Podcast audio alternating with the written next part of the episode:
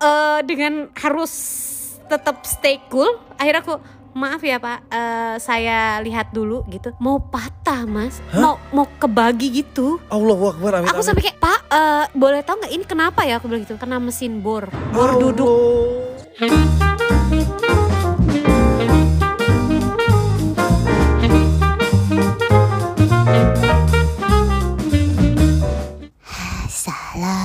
Aku dong sekali-kali ya Ih, aku lagi salam. Eh gantian selalu ibu yang buka gitu masalahnya Boleh nggak aku sekali-kali Iya deh. Waalaikumsalam warahmatullahi wabarakatuh Bener aku dari tadi udah assalamualaikum warahmatullahi wabarakatuh. Kamu pengen ngelawak apa gimana? Kamu sapri apa siapa sih sebenarnya? Masak air Itu opi kumis. Kalau kalau Bang Sapri yang suka pakai bedak noh. Muka Ya kan masak kayak air- masak airnya karambol. sama si Bang Oh iya juga sih. Sapri Oke Iya sih. Assalamualaikum warahmatullahi wabarakatuh Apa kabar semuanya Waalaikumsalam warahmatullahi wabarakatuh dengan Pak Sutri ceria ya ya ya ya ya ya Kinos Gina datang lagi datang Sayang lagi ke Sayang podcastnya. Sayang Acara apa itu? Aduh, sayang sayang sayang mah brownies dong. Eh bukan Ki Onsu Family. Onsu Family bukan brownies Bla. Oh iya juga sih. Padahal tadi aku lagi bikin jingle loh. Nggak berbentuk jingle juga sih menurut aku Depannya udah bagus. Kinos Gina datang lagi. La la la la la la. nggak ada bagus-bagusnya gitu eh ini boleh loh jadi ide buat besok-besok kita meng-hire orang sih? eh Eka siapa ya bun Eka siapa yang suka bikin lagu itu Eka Hospital? bukan dong Eka Eka mana tuh euy? Eh,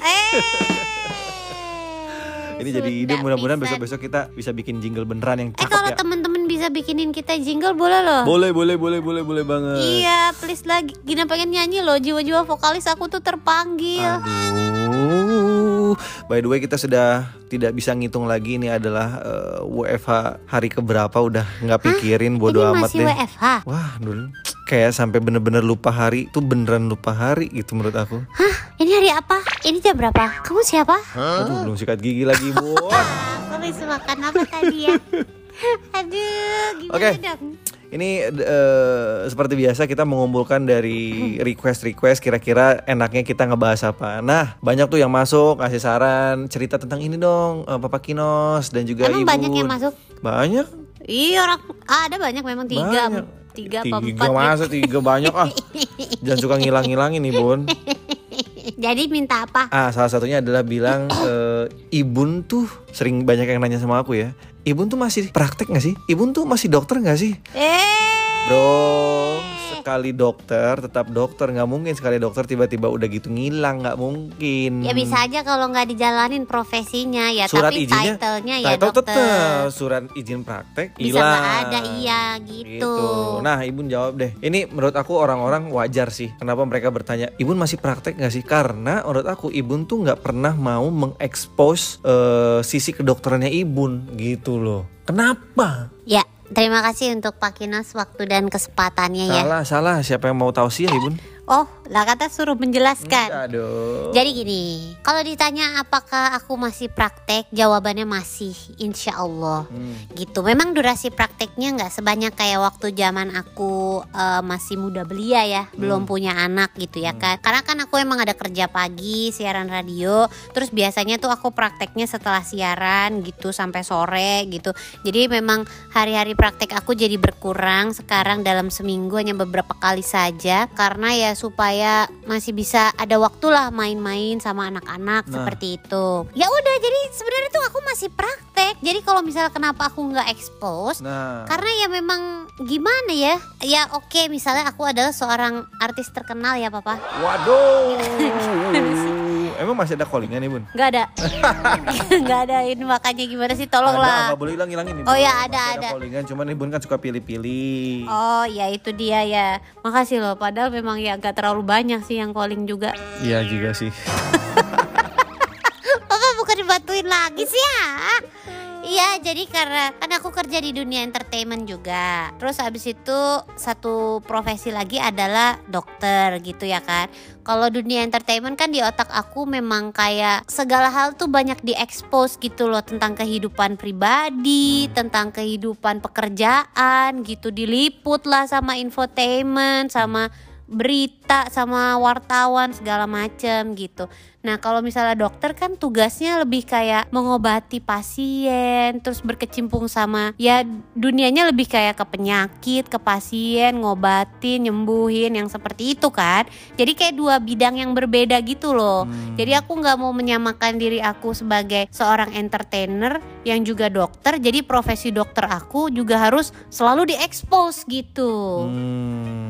Kayak misalnya eh, aku tuh selalu menolak kalau ada ya pernah ada beberapa kali kayak infotainment yang pengen ngeliput gitu kalau aku lagi praktek kayak Nah. gimana gitu. Nah terus habis itu aku bilang aduh aku nggak bisa klinik aku tuh lumayan rame gitu ya nggak apa-apa kita kayak ngambil stock shot stock shot aja kalau lagi praktek kayak gimana gitu. Terus sempat satu momen yang kayak ya nggak apa-apa misalnya taruh kamera aja di ruang praktek terus nanti kitanya nggak usah masuk segala macam gitu.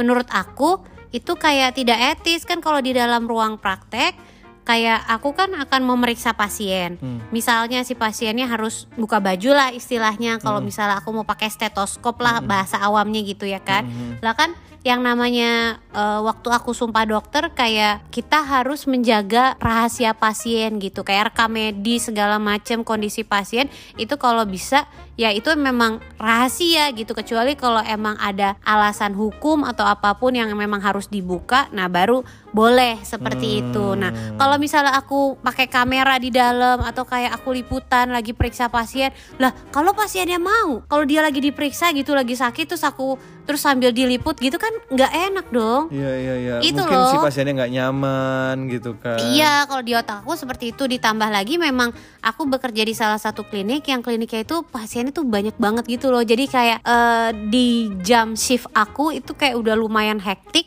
Jadi kalau mau liputan lagi kayak aduh please lah, nggak usah lah gitu. Jadi biar orang-orang yang pernah bertemu aja sama aku yang tahu kalau oh iya gue masih praktek gitu. Oh. Seperti gitu. itu.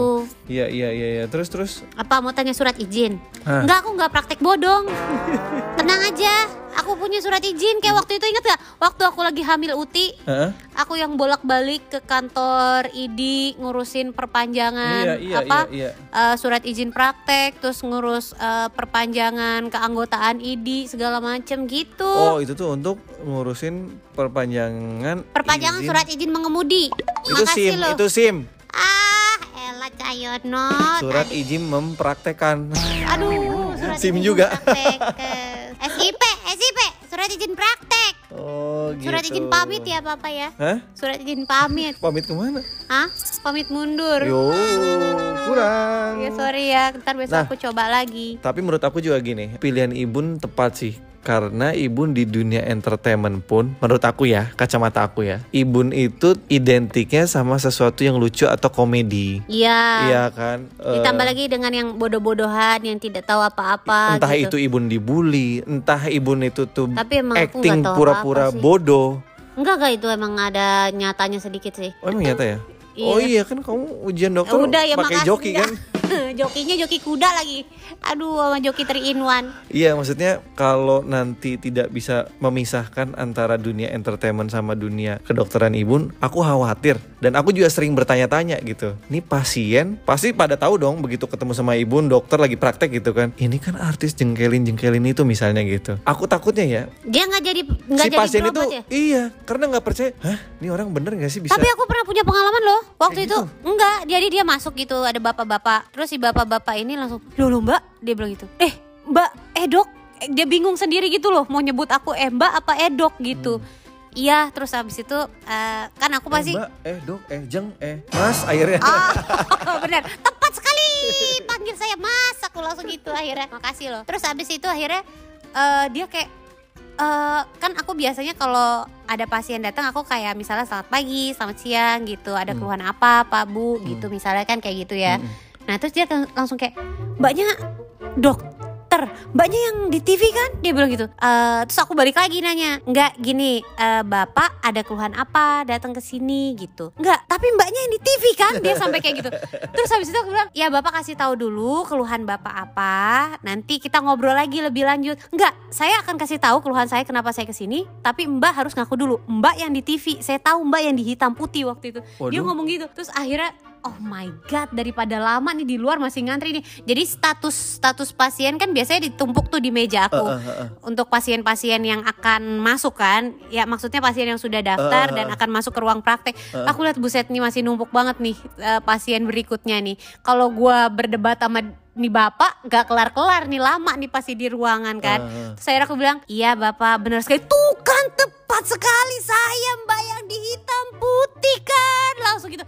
Jadi gini mbak, eh dok dia bilang gitu. Saya tuh ada keluhan begini begini baru mas. Dia kasih tahu. Nah itu Terus dia. begitu naik ke meja periksa, Mm-mm. Dia langsung, aduh saya grogi nih diperiksa sama mbak artis sama dokter artis dia begitu. Kan aku juga jadi grogi ya. Nah, Kalau yang kayak begitu. tuh ya kan yang dikhawatirkan maksudnya mengganggu eh, kinerja ibu sebagai dokter. Mending kalau kayak gitu ujung-ujungnya dia masih mau diperiksa. Gimana kalau ujung-ujungnya aduh ini kan yang suka dibully itu loh. Iya ntar langsung Ini suka dibecandain sama komeng loh gitu kan. Iya kan? Ibu waktu jadi jeng Waktu jengkel, jadi jengkelin ah habis Nah, waktu jadi jengkelin aku aktif loh prakteknya. Nah, kalau orang sampai ke sana mikirnya, ah nanti saya bukannya sembuh malah tambah sakit. Nah, Iya. gitu-gitu, nggak percaya. Makanya mbak waktu masuk ke ruang praktek aku banyak yang pamit pulang. Makasih ya. Jadi menurut aku Imun bener sih memisahkan dua dunia yang menurut aku beda. Kita tidak menyalahkan yang di luar sana banyak yang coba atau ya gini gini gini gini. Eh, kan di luar ada dokter yang juga terkenal kan di dunia entertainment kayak dokter Boy, Mm-mm. dokter Reisa, dokter Tompi gitu. Tapi kan mereka nggak bermain lawak-lawakan ya. Nggak bermain komedi dan image-nya dokter gitu. Jadi ya mereka terpercaya aja menjadi dokter. Lah kalau aku kan keburu terjun jadi seorang jengkelin waktu itu. Hmm. Terus habis itu aku juga sedang menjalani sekolah dokter, profesi akhirnya menjadi dokter. Mm-mm. Jadi kan kayak itu kayak bias gitu loh, kayak dua hal yang berbeda gitu. Nah, iya makanya. Makanya aku suka kesel lah kalau orang-orang suka nanya gini, eh emang pasiennya pada percaya ya? Emang bisa ya ngobatin? Halo, gue sekolah loh 9 tahun loh Nah. buat jadi dokter loh. itu dia pengorbanan jadi dokter, pengorbanan untuk dapetin title dokter itu aku yakin berat banget sih mulai dari ujian atau tes masuknya sampai ke koas-koasnya. Ibu gimana koas? Ya, alhamdulillah. Alhamdulillah aku pernah tidur nggak tidur lebih dari 24 jam sih. What the? Iya, jadi dulu siklus kandungan kan jam masuk tuh jam 5 subuh ya. Kalau di Bangsal karena kita harus follow up pasien, terus jam kerjanya sampai jam 3. Nah, udah abis itu jaga malam dong. Hmm. Jaga malam Hmm. sampai jam eh, 5 jam 6 berikutnya. Abis itu masuk stase biasa lagi. Kita masuk Senin sampai Jumat atau Senin sampai Sabtu tergantung kebijakan rumah sakit. Hmm. Tapi sebenarnya kita masuknya Senin sampai Minggu kalau kita jaga malam. Jadi kalau jaga malam tuh Oh. semua hari item lah tanggalan. Ngerti nggak? Oh iya iya iya iya nggak ada libur. Iya jadi nggak ada liburnya. Tapi kalau misalnya kita lagi nggak jaga malam ya Sabtu Minggu misalnya nggak kebagian jaga ya kita libur gitu. Cuman ya kayak gitu aku pernah kayak gitu. Jadi udah eh, stase pagi biasa yang wajib rutin kita lewatin Hmm. dari jam 5 pagi ya jam 5 jam 6 pagi sampai jam 3 sore. Habis jam 3 sore lanjut tuh jaga malam sampai jam 5 pagi berikutnya jam 6 pagi. Terus habis itu lanjut lagi. Lanjut lagi stase Wah, pagi gila lagi sih. sampai Gila jam sih. 3 lagi gitu. Wah, Jadi bisa wah, kayak wah, wah, wah. aku pernah sampai lagi habis jaga malam terus aku mandi kan Hah. nah aku pup tuh Ketiduran. Di toilet Buset, ngantuk. Papa itu benar-benar nggak tidur. Belum cebok tuh ketiduran. belum. Mungkin udah ngantuk. Wih aku langsung astagfirullahaladzim. Tapi untuk kayaknya nggak kelamaan sih ketidurannya. Cuman benar-benar kayak ngantuk sejadi-jadinya ngantuk. Mana dulu waktu stase kandungan kan aku di Fatmawati. Ada jam persal jadi ada jaminan persalinan gratis. Itu aku pintar banget keluar dari Fatmawati. Kayak aku kalau ada ibu hamil ngelahirin di depan aku aku bisa tolongin tuh dari awal sampai akhir. Sampai kalau dia lahir spontan normal ya aku bisa jahit kembali semuanya sendiri bisa Wih, Keren ya? Nih sisi lain yang orang-orang belum tahu. ya kalau sekarang mungkin udah nggak dilatih ya mungkin aku agak lupa ya kaku agak kaku Iya, pastilah nggak sefase dulu gitu kan. Nah yang kayak gitu tuh orang-orang nggak tahu. Tapi aku seneng kalau di klinik aku ya, misalnya astagfirullahaladzim bukan aku mendoakan sih, cuman kalau ada kayak mungkin ada yang luka atau apa gitu ya perlu jahit atau segala macam. Karena jiwa aku, aku tuh paling suka jadi dokter tuh di kamar operasi. Makanya dulu cita-citanya pengen banget jadi dokter kandungan. Kalau dokter bedah menurut aku kayak terlalu sulit karena yang dijahit, yang dipelajari tuh aduh nggak tahu ya aku nggak nggak passion ke dokter kandungan karena berat menurut aku kalau kandungan kan bidangnya cuma di daerah reproduksi doang kan Hmm. nah terus ada jahit menjahitnya terus ada ke kamar operasinya gitu itu kayak happy banget aku seneng banget stase-stase yang jahit menjahit di kamar lah ya operasi terbukti gitu. gitu. kan kamu berhasil menjahit hati aku yang Aduh. sempat sobek terluka oleh wanita-wanita yang tidak bertanggung jawab. How, how, how, how. Kamulah obat dari segala sesuatunya. Kamu adalah dokter cintaku. Aduh, Ma. Kamu mau tahu nggak sih Apa apa, sih? yang aku jahit pertama kali? Jadi aku tuh uh, Ini sunat. Eh sorry. Ah, tapi apa yang kamu bilang itu betul. Jadi eh, aku mulai menjahit. Serius, aku cuma Ntar asal dulu, iya bener, itu betul. Jadi aku pertama kan biasanya waktu sekolah di kampus kan yang kita pelajarin kan cuman kadaver dong. Kadaver tuh mayat doang kan. Nah jadi bertemu Ah. Aduh. bertemu orang hidup itu ketika koas kan. Nah jahit menjahit itu dimulainya waktu itu dari stase bedah. Terus abis itu aku lagi jaga malam nih Eh, duh kok nggak ada sih yang mau dijahit gitu? Kan kalau misalnya di IGD kan biasanya di rumah sakit pendidikan tuh banyak. Ada koas bedah ada koas anestesi ada koas Hmm. anak koas obgyn segala macam gitu-gitu kan nah terus ya pasti nanti akan dipanggil gitu koas bedah mana nih? Atau koas obgyn mana nih? Ada pasien nih gitu. Biasanya sama kakak-kakak perawatnya atau sama dokter jaganya suka gitu kan. Hmm. karena kita harus pemeriksaan awal gitu. Nah waktu itu aku udah kayak aduh temen aku udah dapet jahit menjahit nih di bagian bedah. Aku pas jaga tuh kok nggak dapet dapet? Ya akhirnya dateng satu pasien. Eh. dalam kondisi tidur cowok pakai sarung. Terus dipanggil koas bedah gitu. Akulah waktu itu jaga sendiri tuh Waduh. aku koas bedah ya terus habis itu tuh anamnesis dulu anamnesis tuh maksudnya kayak tanya jawab dulu di awal gitu Minta keterangan. Iya sambil pemeriksaan fisik juga apa yang bermasalah gitu si orang ini gitu. Terus abis itu karena dibilang kecelakaan, kecelakaan gitu. Kok kecelakaan? Aku lihat kayak nggak ada apa-apa gitu kan. Hmm. Terus ya udah akhirnya aku anamnesis eh, nama siapa segala macam keluhannya kenapa. Terus habis itu kan dia pakai sarung sambil rebahan gitu. Hmm. dia nunjuk ke arah perut. Terus saya mata gue perutnya robek. Tapi kok kayak nggak terlalu berdarah ya? Kok nggak ada darah gitu dalam hati aku? Kayak perut pak. Bukan pokoknya dia kayak bukan bukan gitu. "Eh, di mana pak? Lokasinya yang mana? Akhirnya gitu. Akhirnya dia dia tunjuk. "Eh, pokoknya ke kelamin lah udah kesakitan gitu. Waduh. Waduh, aku langsung, oh my god, aku harus buka ya kelaminnya. Aku langsung kayak, aduh gue sendiri, cewek pula gitu. Terus? Terus, akhirnya eh, dengan harus tetap stay cool, akhirnya aku maaf ya pak, eh, saya lihat dulu gitu. Mau patah mas, mau mau kebagi gitu. Allahu Akbar. Amin. Aku sampai kayak, pak, eh, boleh tau nggak ini kenapa ya? Aku bilang gitu, kena mesin bor, bor duduk.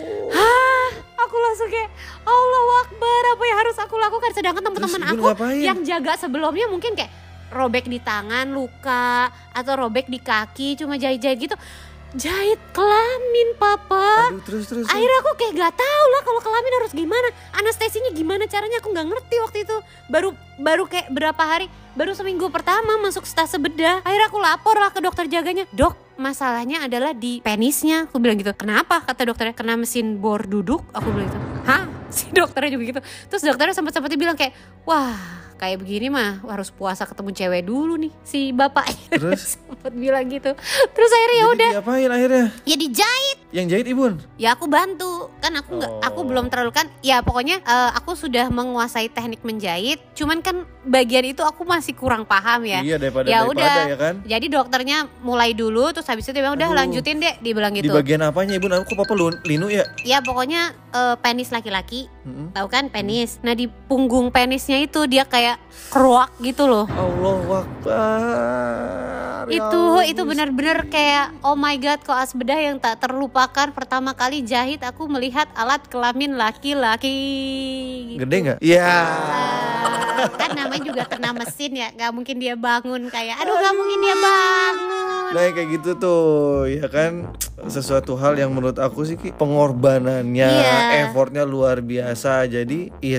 udah sepatutnya sih kedokterannya Ibun tuh bukan sesuatu yang untuk dimainin sih menurut aku. Nah itu juga karena aku juga pernah punya pengalaman kan aku setelah sekolah dokter akhirnya kan terjun ke dunia entertainment secara tidak sengaja. Hmm. Jadi jengkelin adalah juga suatu hal yang tidak sengaja waktu itu ya kan. Terus akhirnya gara-gara jengkelin membawa aku ke dunia lawak-lawak komedi padahal walaupun aku sebenarnya bukan komedian sih menurut aku kayak aku nggak jago dan ngelawak-lawak gitu. Nah terus sempat satu kali ya mungkin udah beberapa kali tapi di notisnya mungkin sama ID kali ya sama dokter gitu adalah pas satu momen lah. Intinya aku di situ aku pakai Snelly. Jadi aku disuruh gimmick masuknya adalah jadi bintang tamu acara lah waktu itu. Ah, pakai Snelly, Snelly tuh jas putih dokter, Eh. terus pakai stetoskop, terus pura-pura periksain si Iya, iya, uh, iya, iya, orang-orang di a- acting lah acara itu. ibu Ha-ha. jadi dokter lah gitu Eh, aku dipanggil lupa aku dipanggil sama siapa ya. Cuman dibilang pokoknya kayak kamu mendapatkan jas putih itu berapa lama? Ditanya gitu. Terus aku bilang, "Eh, saya kuliah sampai jadi dokter 9 tahun. Terus abis itu kau pakai di TV untuk eh, ini buat bercanda gitu.